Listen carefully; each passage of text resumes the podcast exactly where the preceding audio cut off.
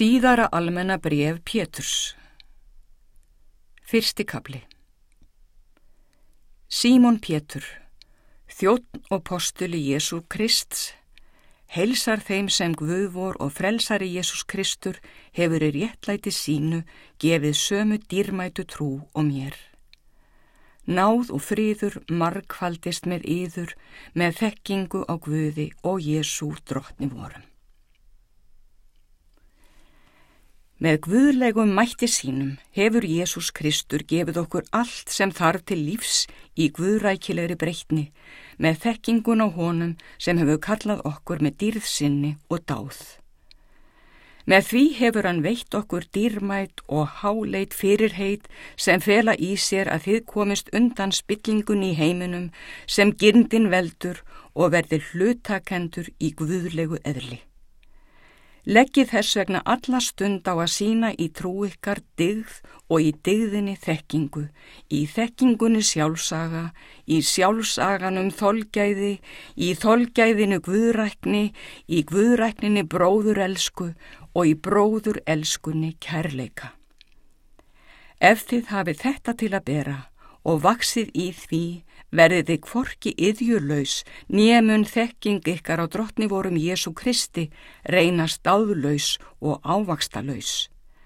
En sá sem ekki hefur þetta til að bera, er blindur í skamsíni sinni og hefur mist sjónar á að hann hafi verið hreinsaður af fyrri syndum sínum.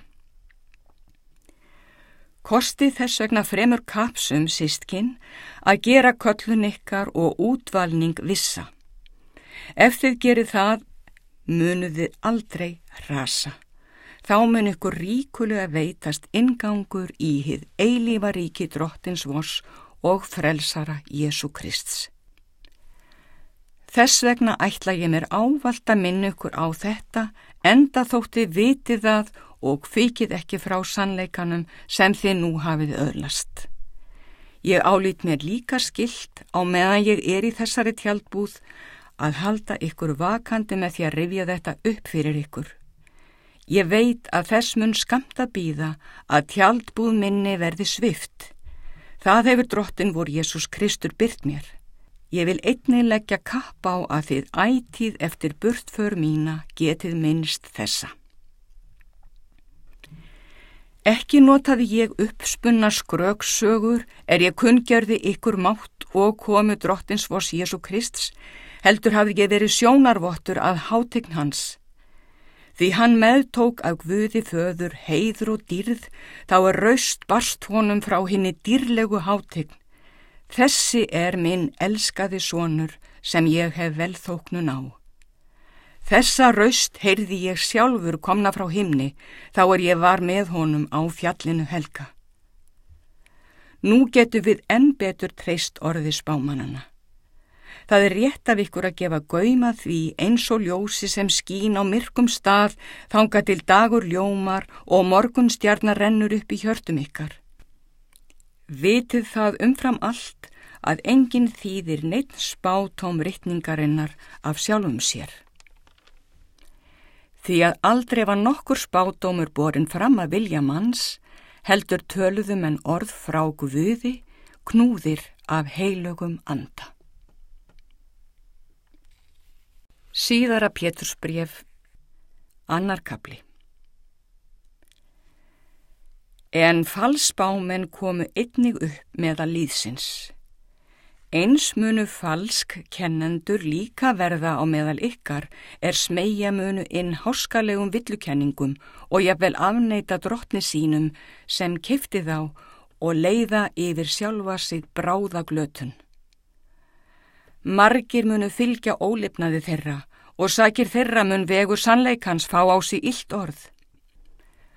Af ágind munu þeir með uppspunnum orðum hafa ykkur af fjeðhúfu, en dómurinn yfir þeim er löngu kveðin upp og fyrnist ekki og glötun þeirra blundar ekki. Ekki þyrndi Guð englónum er þeir syndguðu. Hann steifti þeim niður í undudjúpin og setti þá í myrkrahella þar sem þeir eru geimdir til dómsins. Ekki þyrmdi hann hennum forna heimi en varðvitti nóa, boðbera réttlætisins. Við áttunda mann er hann létti vassflóð koma yfir heim hinn á óguðlegu.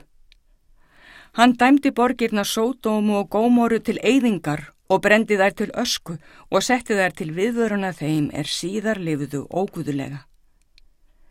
En hann frelsaði lót, hinn réttláta mann, er mættist af svívirðilegum lipnaði hinn að guðlausu.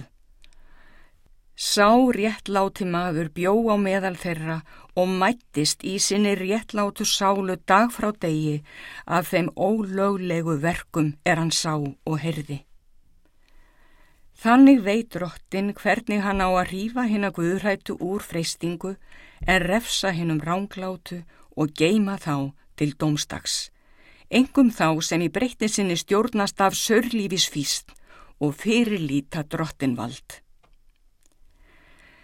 Þessir fíbldjörfu sjálfbyrgingar skirrast ekki við að lastmæla tignum. Jafnvel englarnir sem eru þeim meiri að mætti og valdi fara ekki með guðlæst þegar þeir ákjæra þá hjá drotni. Þessir menn eru eins og skinnlausar skeppnur sem eru fættar til að veiðast og tortímast. Þeir lastmæla því sem þeir skilja ekki og munu þess vegna farast eins og dýrin og fá þannig að líða fyrir hitt illa sem þið gerðu. Þeir hafa indi af að svalla um miðjan dag. Þeir eru skömm og smán þegar þeir blekki ykkur og neyta máltíða með ykkur og svalla. Augu þeirra eru full hórdóms og þeim verður ekki frá syndinni haldið. Þeir fleka óstyrkar sálir, hjarta þeirra hefur tamið sér ágirnd. Það er bölfun yfir þeim. Þeir hafa farið af rétta veginum og lengt í villu. Þeir fara sömu leið og bílegam, sonur bósors, sem elskaði ránglætis laun. En hann fekk ádrepu fyrir glæpsinn. Mállaus eikurinn talaði mannamál og aftraði fásinu spámansins. Vasslausir brunnar eru þessi menn. Þoka rakin af hvasviðri, þeirra býður dýfstamirkur. Þeir láta klingja innan tóm diguryrði og tæla með holdlegum gindum og svíverðulegum lifnaði þá sem eru í þann vegin að sleppa frá þeim sem ganga í villu. Þeir heita þeim frelsi þótt er síu sjálfur þrælar spillingarinnar því að sér hver verður þræll þess sem hann hefur beðið ósigur fyrir. Ef þeir sem sluppu frá sörgun heimsins, af því þeir þekktu drottinvorn og frelsara Jésu Krist, flækja í heima nýju og býða ósigur, þá er hið síðara orðið þeim verra en hið fyrra. Því að betra hefði þeim verið að hafa ekki þekkt vegri ætlæti sinns en að hafa þekktan og snúa síðan aftur frá hennu heilaga bóðorði sem þeim hafi verið gefið. Fram á þeim hefur komið þetta sannmæli. Hundur snýr aftur til spíu sinnar og þvegið svín velti sér í sama saur. Síðara Pétursbref, þriðji Þetta er nú annað brefi sem ég skrif ykkur, þið elskuðu og í þeim báðum hef ég reynd að halda hennu reyna hugar farið vakandi hjá ykkur. Það reyni ég með því að rifja upp fyrir ykkur þau orð sem heilagir spámenn hafa áður talað og bóðor drottinsvors og frelsara er postular ykkar hafa flutt. Þetta skulu þið þá fyrst vita að á síðustu dögum munu koma spottarar er stjórnast af eigin gindum og segja með spotti Hvað verður úr fyrirreitinu um komu hans? Því að síðan feðurnir sopnuðu stendur allt við þið sama eins og frá upphafi veraldar. Viljandi gleima þeir því að himnar og jörð voru til forðum. Guð skapaði þá með orði sínu og jörðin reys upp úr vatni og hvildi á vatni. Þess vegna gekk vatsflóðið yfir þann heim sem þá var svo að hann fórst. Eins ætlar Guð með sama orðið að eigða með eldi himnunum sem nú eru ásamt jörðinni. Hann mun varðveita þá til þess dags er óguðlegin menn verða dæmdir og tortímast. En þetta eitt má ykkur ekki gleymast þið elskuðu að einn dagur er hjá drottni sem þúsund ár og þúsund ár sem einn dagur.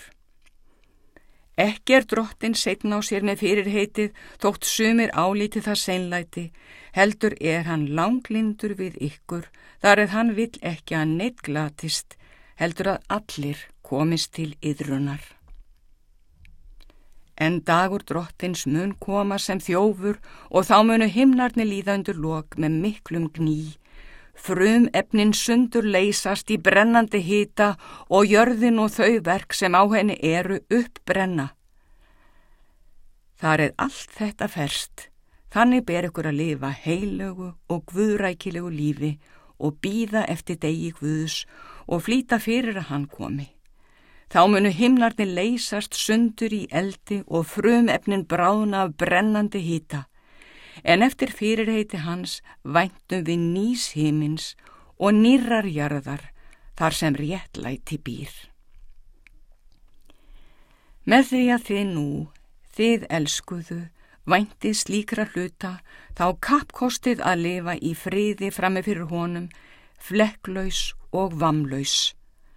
Álítið langlindi drottins vors vera hjálparæðis leið.